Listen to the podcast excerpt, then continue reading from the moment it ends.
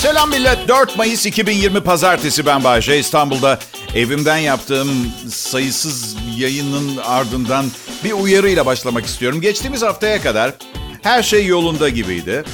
Ee, evde iş paylaşımı, birlikte yemek yapmacalar, küçük kelime oyunları oynama, burnundan pasta kreması yemeler, cilveler filan her şey tıpkı bir romantik komedi filmindeki gibi gidiyordu.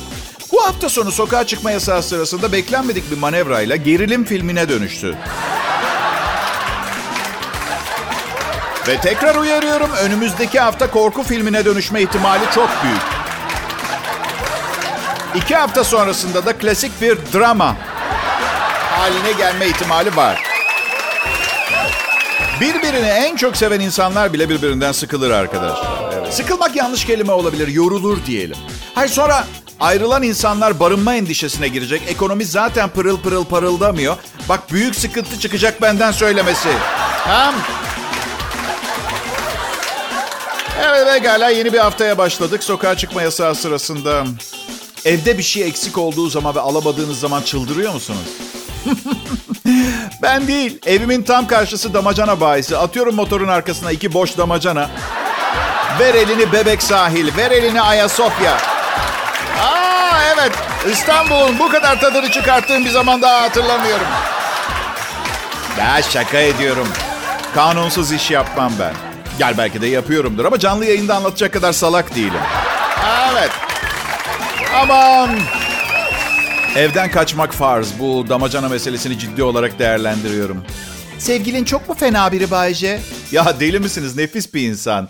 Sadece herhalde benim kaderim hayatıma bugüne kadar girip çıkmış bütün kadınlar bazen anormal mutlu, diğer zamanlar depresif. İki ucun arası yok. Kadınlardan yana normal bir gün görmedim hayatımda.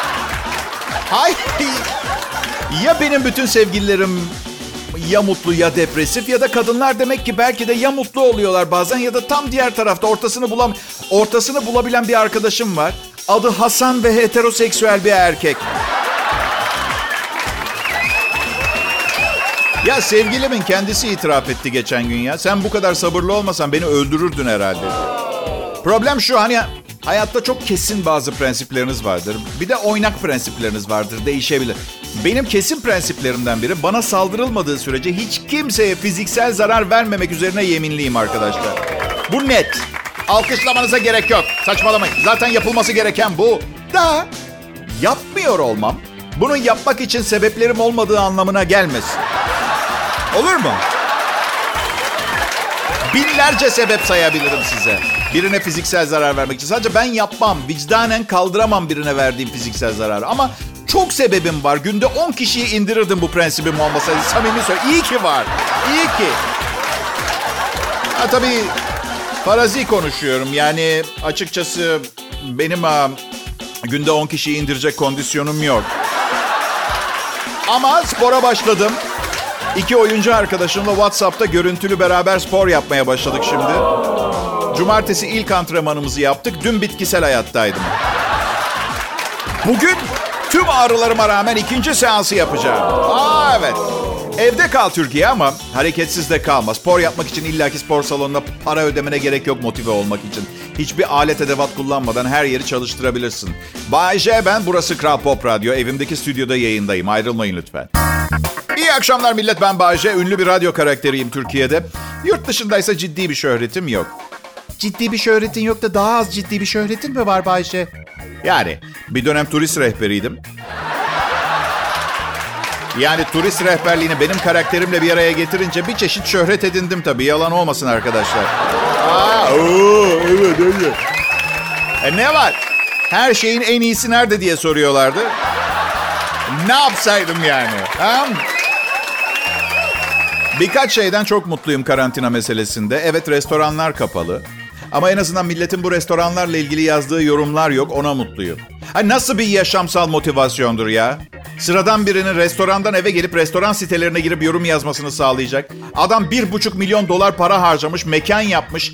İnanılmaz bir dekorasyon. Son teknoloji mutfak yapmış. 44 kişi çalışıyor restoranda. İstihdam var. Şef İngiltere'den gelmiş. 3 Michelin yıldızı var. Herkes övgüyle bahsediyor uluslararası yemek piyasasında. Hanımefendi diyor ki abartıldığı kadar yokmuş. Artık kuşkonmazlar biraz fazla pişmişti.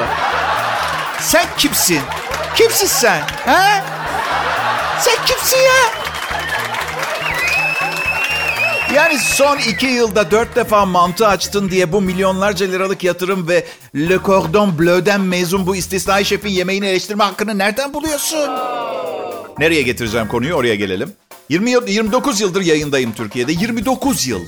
Hep en yüksek maaşı aldım çünkü insana hitap etme ve neşelendirme, bilgilendirme ve düşündürme konusunda manyakçasına iyiyim tamam mı? Reklam veren de radyolarda bayılıyor bana. Bir iki şey yazıyor. Yani sıradan şakalar ve bilindik zırvalar. Bence kötü bir sonucu. Sen kimsin? Sen kimsin? Ha? Sen kimsin ya? 9 sene okudum, 3 farklı üniversite bitirdim. Bu pırıl pırıl mizah dehasını eleştirmek neden senin işin her şeyden önce? Neden sen? Instagram'a yazı yazabiliyorsun diye mi sadece? Ha? Bir de bu tip durumlarda hep şunu düşünürüm. Ben bir baklavacıdan baklava alırsam ve iğrençse gidip bir başka bir baklavacıya oradan alışveriş yaparım. Tadı güzel olmayan baklava satan dükkana molotof kokteyliyle saldırmam tamam mı? 2020 yılında yaşıyoruz. Her şeyin o kadar çok alternatifi var ki eleştiri artık gereksiz bir eylem haline geldi. Siz tekel olan ve değiştiremeyeceğiniz şeyleri eleştirin. İnsan karakteri gibi. 50 bin restoran var Türkiye'de. Her şeyden seçenek çok. Seçenek çok fazla. Covid-19 karantinası sırasında daha da güçlenen internet sayesinde bugüne kadar görmediğimiz aklımın ucun, ucundan geçmeyen manyaklıklara da şahit oluyoruz. Niye çok fazla oralardayız? Ya ben çocukken bir adam alt bezi giyip sokağa çıktığı zaman polis gelirdi. Babayı tımarhaneye kapatırlardı. Bu kadar basit, düz. Şimdi bunu yapmayı sevenler internet sitesi açıp sohbet ediyorlar aralarında. Atıyorum Haziran'ın 12'sinde bir bakıyorsun ünlü bir otelde alt bezi giymiş 860 insan festival düzenliyor. Görmeyeydik iyiydi. İyiydi ama internet ve sosyal medyada gezinmenin en büyük riski bu zaten. Burnuna burnuna asla görmek istemeyeceğin şeyleri sokuyorlar. Hoş değil. Bayşe, siz sevgilinle internette tanışmadınız mıydı? Burnuna güzel şeyler de sokuyorlar demek ki arada. Hadi kapa çeneni. Sunucunun karizmasını böyle küçük oyunlarla bitiremezsin küçük dostum. Daha sağlam vurman gerekecek tamam mı? İyi akşamlar Türkiye ben Bayce. 30 senedir bu ülkede bu ülkenin insanları için çalışıyorum. Siz de izin verirseniz. Bir günde demedim ya bugün bu ülkenin insanları beklesin ben çalışmayacağım demedim. Hem çalışmayı seviyorum hem iyi vakit geçirmeyi, iyi vakit geçirtmeyi seviyorum. İkisini bir araya getirip 30 yıl önce bu radyo şovunu yarattım. Ve açık konuşacağım bir 5-10 yıl değil ama bir sanayide alkışlarla geçen 30 senenin ardından birine işler nasıl diye soramazsın. Belli ki işler tıkırında. Patronum babamın amca oğlu değil. Bu parayı bana veriyor olmasının tek sebebi işimde başarılı olmam. Belki de uzaktan akrabasınızdır Bayce. Sanmam. Biz İtalyan vatandaşıyız. Tek ortak yanımız patronun pizza restoranları da var. Ama olamaz. Mutlaka vardır. Hiçbir benzer yanınız yok patronla Bayce. Olmaz olur mu? İkimiz de başarılı olmanın verdiği tatmin duygusuna inanıyoruz. Bir de paraya. Paranın mutluluk getirdiğine inanıyoruz. Bakın, iyi insanlar parayla mutlu olur. İçinde endişe, soru işareti, haset ve kötü duygular olan biri ancak parayla mutsuz olur. Bayce, hiç patronunla selfie çektiniz mi? Bakın, benim iş yerinde bir numaralı prensibim sonucu belli olmayan aksiyonlardan kaçmaktır. Bu davranışlardan uzak durmak. Çünkü evet, çok tatlı bir insan ama ters bir günündedir. Eşiyle tartışmıştır. O, o gün çektiğim o selfie ömrümün sonuna kadar çektiğim son selfie olabilir. Çünkü işsiz kalıp telefonumu bile satmak zorunda kalabilirim. Anlıyor musunuz beni? Her zaman komik biri miydin Bayce? Yani bence komiktim. Her gün okuldan eve gelip komik şeyler anlatırdım. Annem, babam, ablam boş boş bakarlardı suratıma. Şimdi öyle bir durumda tecrübe de yok. Ya şakalarım komik değildi ya da ailem tarzımı beğenmiyordu. Ama eğer gerçekten inanıyorsan yaptığın şeye, yani bir tarzın olduğuna, birilerinin buna senin inandığın gibi inanacağına inanıyorsan, bir cümle içinde gereksiz derecede fazla inanmak fiilini kullanmış olursun. evet, evet. İşte komedi, komedi bu. Şaşırtmacadır. Saptırmak, alay etmek. Ben dünyayla dalga geçiyorum. Bu edebi bir akımdır. Bu da beni bir edebiyatçı yapar. Her ne kadar sevgilim sen edebiyatçı falan değilsin diye dırdır yapsa da ben inanıyorum bir edebiyatçı olduğuma. Aile desteği çok önemli. Yani aile fertlerinize hiçbir yetenekleri olmayan konularda cesaret verin demiyorum. Ama zaten bir işleri varsa daha iyi olmaları için biraz fazladan motivasyonun zararı olmaz değil mi? Ah. Hayatımız çok değişti karantina günlerinde. Öyle değil mi dinleyiciler? Ha? Ya eskiler hal başa gelmesin der. Ay zaten sokağa çıkma yasağı olmasa bile sokağa çıkmıyoruz virüs kapmamak ve bulaştırmamak için. Ama sokağa çıkma yasağı eklenince garip anlar yaşanabiliyor. Mesela dün mesela öğle saatleri sevgilimle yeni uyanmışız. Kapı çaldı. Şimdi normal günlerde çok büyütmem bu kapının çalma sesini ama sokağa çıkma yasağı sırasında kapı çalınca insan bir tedirgin oluyor. Sizde de aynı ses çıkıyor mu kapı çalınca sokağa çıkma sesi? Aa. kapı bu çalar yani. Neden şaşkınlık ifadesi ki anladın mı? Ding dong. Aa.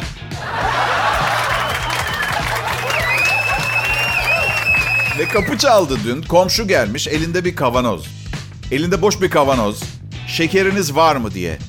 Ya gerçekten çok kötü ya. Görgü kalmadı insan. Ya şeker istemeye bir bardakla fincanla gidilirdi arkadaş eskiden. Bir buçuk litrelik kavanoz ne Allah aşkına ya. Aşkım şeker çuvalını getirir misin? 8 numaradan Selma Hanım ocağımıza incir ağacı dikmeye gelmiş. Aha. Merhaba herkese. Evde kal Türkiye deyip kendimiz evde kalmayalım olmazdı. Bu yüzden neredeyse bir buçuk aydır evden yayın yapıyorum. Fena da gitmiyor açıkçası. Ben yayın kalitemizin bu kadar iyi olmasını beklemiyordum ama başarılı olduk. Birçok radyoda personel hala işe gidip geliyor ve bunu niye yapıyorlar bilmiyorum. Koronadan ölüp sonra kahraman olarak hatırlanmak gibi bir endişem olsaydı ilk eşimle evli kalırdım zaten. İkisi de intihar anlamına geliyor yani. Her neyse. Aile ilişkilerim hiçbir zaman iyi olmadı. Bir ihtimal diyorum aile ilişkileriniz iyi olmayınca kadın erkek ilişkilerinde de mi zorlanıyorsunuz acaba? Ben hiçbir zaman annemle babamın ne dediğini anlamadım biliyor musunuz? Yani açık konuşacağım. Evet bir şeyler söylüyorlar ama günümüzde bir anlam ifade etmiyor. Böyle sanki sanki artık kullanılmayan çok eski bir lehçeyle konuşuyorlarmış gibi. Bu konuda ablamla konuşuyoruz. Bana katılıyor. Hatta bugün bir laf okumuş. Onu yolladı. Diyor ki öyle bir yaşa geldim ki annemle babamın fikirlerini değiştirmeye çalışmanın gerçek bir enerji israfı olduğunu fark ettim. Ben oğlumla nesil farkı yaratmamak için ne kadar canhıraş çaba sarf ediyorum aklınız almaz. Bazen tasvip etmediğim şeyler yapıyor ama onu kendimden itmemek için ortayı bulmaya çalışıyorum. Anlayışlı gibi davranıyorum. Onun tarafında olduğumu hissetmesini istiyorum. İnanır mısınız geçen hafta istemeye istemeye onunla beraber gidip bir benzin istasyonunu soymak zorunda kaldım.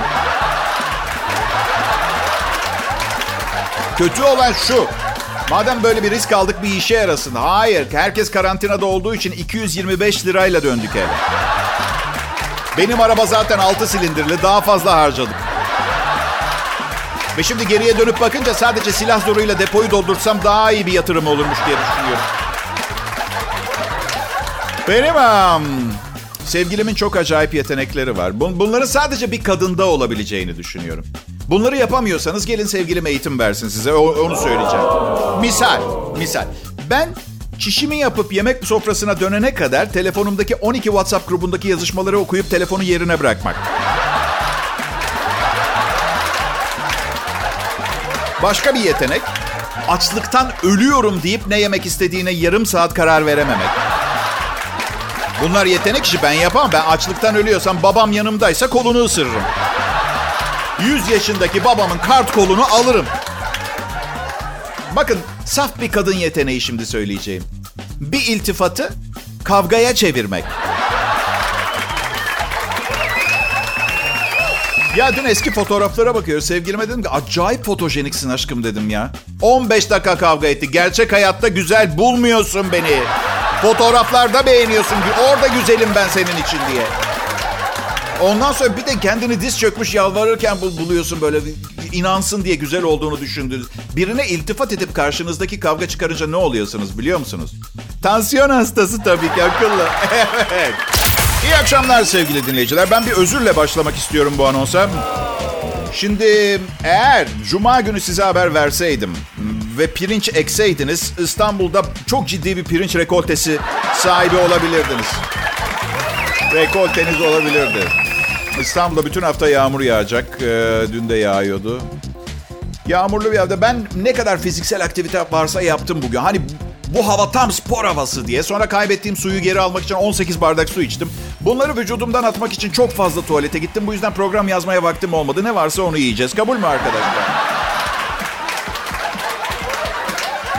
Burası Kral Pop Radyo. Bu harikulade ulusal radyo kanalında çalışmaya başlayalı 14 ay oldu ve son derece memnun ve mutluyum. Bu belki sizi ilgilendirmiyor olabilir ama benim çalıştığım şirketi yağlama özgürlüğümü de engellemez. Evet, e, yasaklar yavaş yavaş e, kalkacak. Normalleşme e, sinyalleri geliyor ve yaz geliyor arkadaşlar. Çocuklar dişinizi sıkın. Biraz daha okula gitmeyeceksiniz ve yaz tatili başlayacak. Dişinizi sıkın olur mu? Yetişkinler siz çalışmaya devam edeceksiniz. Hem de telafi için daha fazla çalışacaksınız. Ee, şansınız varsa bir iki hafta tatile gidersiniz. Ama çoluk çocukla gidecekseniz giderkenkinden daha yorgun dönme ihtimaliniz var. Paranız bitmiş olacak. Belki de bir haftalık yaz tatilinin taksitlerini 12 ay ödeyeceksiniz. Bittiği anda yeni tatilinize gideceksiniz. Bu yüzden bir yerlere gitmeden bunları hesaba katalım. Bir de gerçekten eşinizle tatile gitmek istiyor musunuz? Bunu kendinize mutlaka sormanız gerekiyor. Belki eşinizle anlaşıp arkadaşlarınızla tatil yapabilirsiniz. Böylece küçük de olsa bir ihtimal birbirinizi özlersiniz. Evliliğiniz bir iki sene daha devam eder. Tabii. Tatilde tanıştığınız babasının şarap bağları olan güler yüzlü İspanyol bir genç kız olan Rosalinda'nın aşkına direkt İspanya'ya taşınmazsanız. evet. Ay ay ay öğrenciler. Eve kapandık bu sene. Tekrar öğrenci olsak ha? Sizin aşık olduğunuz öğretmeniniz var mıydı? Herkesin hayatının bir döneminde bir öğretmene aşık olmuştur. Ben de bir keresinde sevgilimin aerobik hocasına aşık oldum. Yıkılıyordu çok özür dilerim. Ha, neyse zaten küçükken kimseye aşık olacak vaktim yoktu. Sorunlu bir çocuktum. Altımı ıslatırdım. Ama sadece o kadar değil bir de uyur gezerdim. Ee, gecede 4-5 yatak falan ıslatıyordum. Yani öyle sadece kendi... İnanır mısınız bazen gerçekten kendimden çok utanıyorum. Yayın yönetmenim Tolga Gündüz'ün çocukluğunun buraya çıkıp kendi çocukluğum gibi anlatıyorum ya. Çok ayıp bir şey bence bu yaptığım. Selam millet. Kral Pop Radyo Stüdyosu şu anda Bay J'nin evinin çalışma odası. Ee, evde kal, Türkiye dedik biz de evde kaldık ve çok çok uzunca bir süredir. Ee, bu sadece Türkiye'de oluyor çok çok uzunca. Yani çok çok mu? Cam mı? Her neyse yaza hazırlığınızda yanınızdaki en iyi arkadaşlardan biri olma niyetindeyiz. Özellikle ben. Ee, öyleyim. Niyetim o. Bay J ben. Programım hayatınızdaki en sıkıcı şeyden biraz daha iyi olsa bile beni tercih ederek canınızın en azından o şeyden biraz daha sıkılmasını sağlayacaksınız. Yine canınız sıkılacak ama daha az. Biliyorum bir programı satmak için söylenebilecek en şahane reklam değil ama bütün güzel sözlerimi programın başından harcarsam bir şey olmaz. Ya belki de en başta müşteriyi etkileyecek, avucumun içine alacak bir takım sloganlar. Bizi, Bağcay ve ekibini dinleyin. Çünkü çünkü dünyada her gün güzel şeyler de oluyor. Bu çok taklit oldu. Herkesin çok ağzında.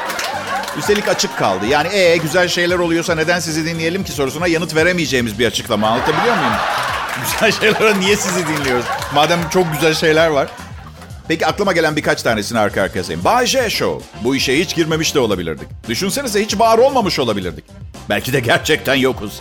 Hayat dediğimiz bu şey bir yansımada. Bu artık slogandan çıktı. Hayat dediğimiz bu şey bir yansımadan ibaret. Ama neyin yansıması? Bizim olmadığı kesin. Yoksa dünya çok güzel bir yer olurdu. Slogan olarak biraz uzun. Hedeften kopuk. Bay J Show. Şimdi herkes duyabilsin diye küçük, orta ve büyük sesli. Şuna ne dersiniz? Burası Kral Pop Radyo. Nadir meraklıları için şimdi Bay J de bizde. Hablamos español, we speak English, parliamo italiano, je parle français. Un peu. Siz de takdir etmişsinizdir. Şimdi söyleyin, bizi anlamamanıza imkan var mı? Ama bu fena değil değil? Bay J, slogan kralı. Slogan çalışmalarına bu şekilde ciddi çalışmalarla devam ederse çok yakında bir başka kanalda. Selam millet.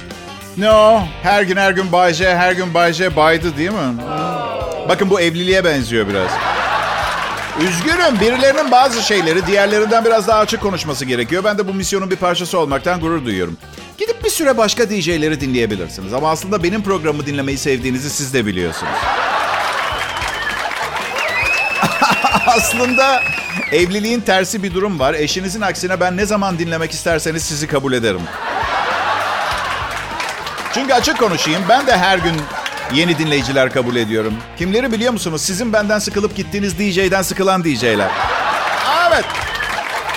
Bu anlattıklarımın gerçek olmadığını hepimiz biliyoruz inşallah. Herkes beni dinliyor. Ben Türkiye'nin en başarılı akşam şovmeniyim. Üstüme yoktur bu işte. Bazen o kadar iyiyim ki ondan anlatıyorum. Yani canlı yayın sırasında çok zor bir şaka yaparken dizlerimin arasında ceviz kırabiliyorum aynı anda. Öyle iyiyim ya. Öyle böyle değil. Ben evet her gün aynı haberler Allah aşkına. Biz zaten karantinadayız. E, bırakın şekerli bir şeyler yiyebilelim ya. Ay ama çok fazla şeker tüketiyormuşuz da insanlar olarak biz. Bir Amerikan yiyecek uzmanı ortalama bir insanın günde 22.2 çay kaşığı şeker tükettiğini söylüyor. 355 kaloriye tekabül ediyormuş. Phil Lampert, yemek sanayisi analisti, Amerikalıların günde tavsiye edilen miktarın iki katı şeker tükettiğini söylüyor. İdeal veya tavsiye edilen diyelim günlük şeker tüketim miktarı kadın için 100 kalori karşılığı 6.25 çay kaşığı olmalıymış. Ee, erkek içinse 150 kalori yani 9.4 çay kaşığı. Okey şimdi bunları biliyoruz diye ne değişecek? Yani üstünde durmak istedikleri noktaları ben anlamış değilim. Yani bunu biliyoruz, öğrendik de bazı bilginin gerçekten karşılığı yok günlük hayatta. Bize gerçeği söyleyin. Üstünü pasta süsüyle kaplamayın. Ölecek miyiz? Ne olacak yani? Ay sanki biz de yıllardır obezite sorununun sebebini kereviz sapı zannediyorduk. Bu bilim insanları dahi. Okey tamam. Şekeri biraz kısabilirim. Yani dikkat edilirse yapılamayacak bir şey değil. Ama tabii çok önemli bir problem var. Günde 2 litre şalgam suyumu şekersiz mi içeceğim artık ben?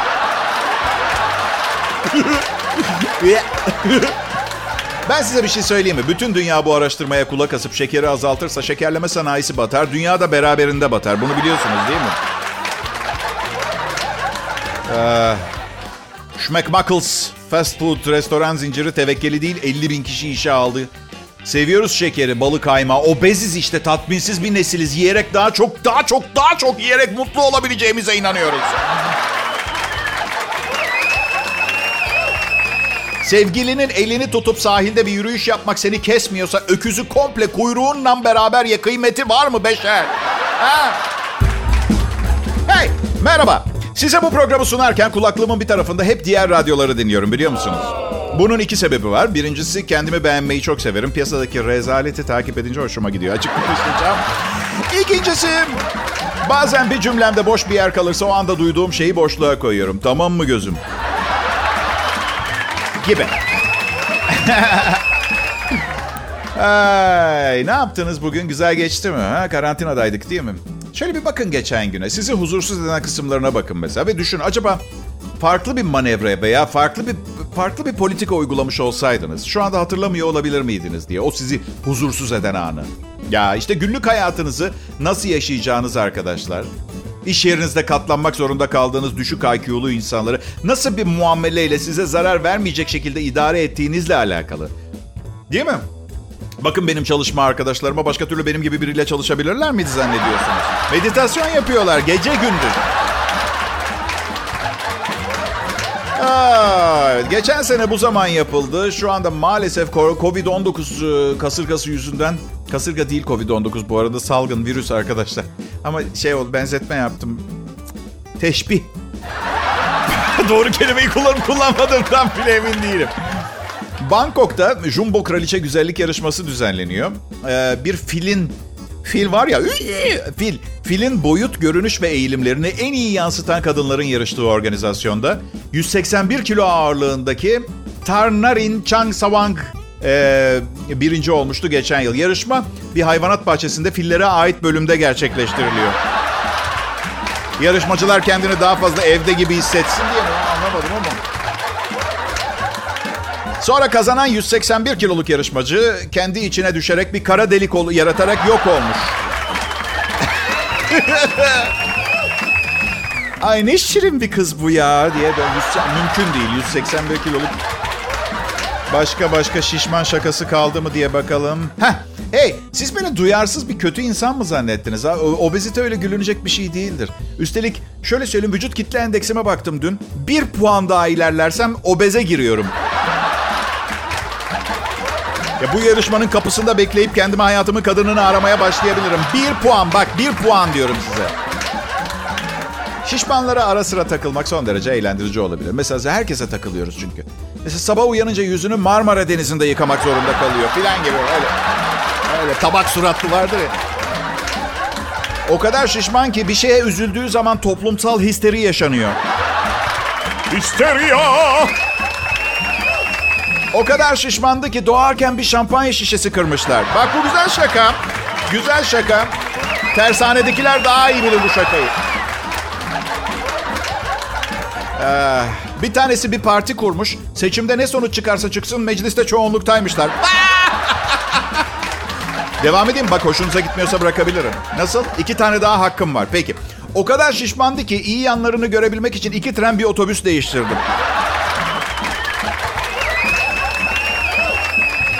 Bir arkadaşım o kadar şişmandı ki bize geldiği zaman hem giriş kapısını yağlıyorduk hem de kapının diğer tarafında elimizde bir çikolatalı gofretle beklemek zorunda kalıyorduk. Hadi bu kadar yeter. Birazdan zayıflarla dalga geçeceğim. Bakın arkadaşlar. Hayatla, dünyayla, önümüze gelen herkesle gülüp eğlenmemiz gerekiyor. Ama beraber yapmamız gerekiyor. İyi akşamlar diliyorum.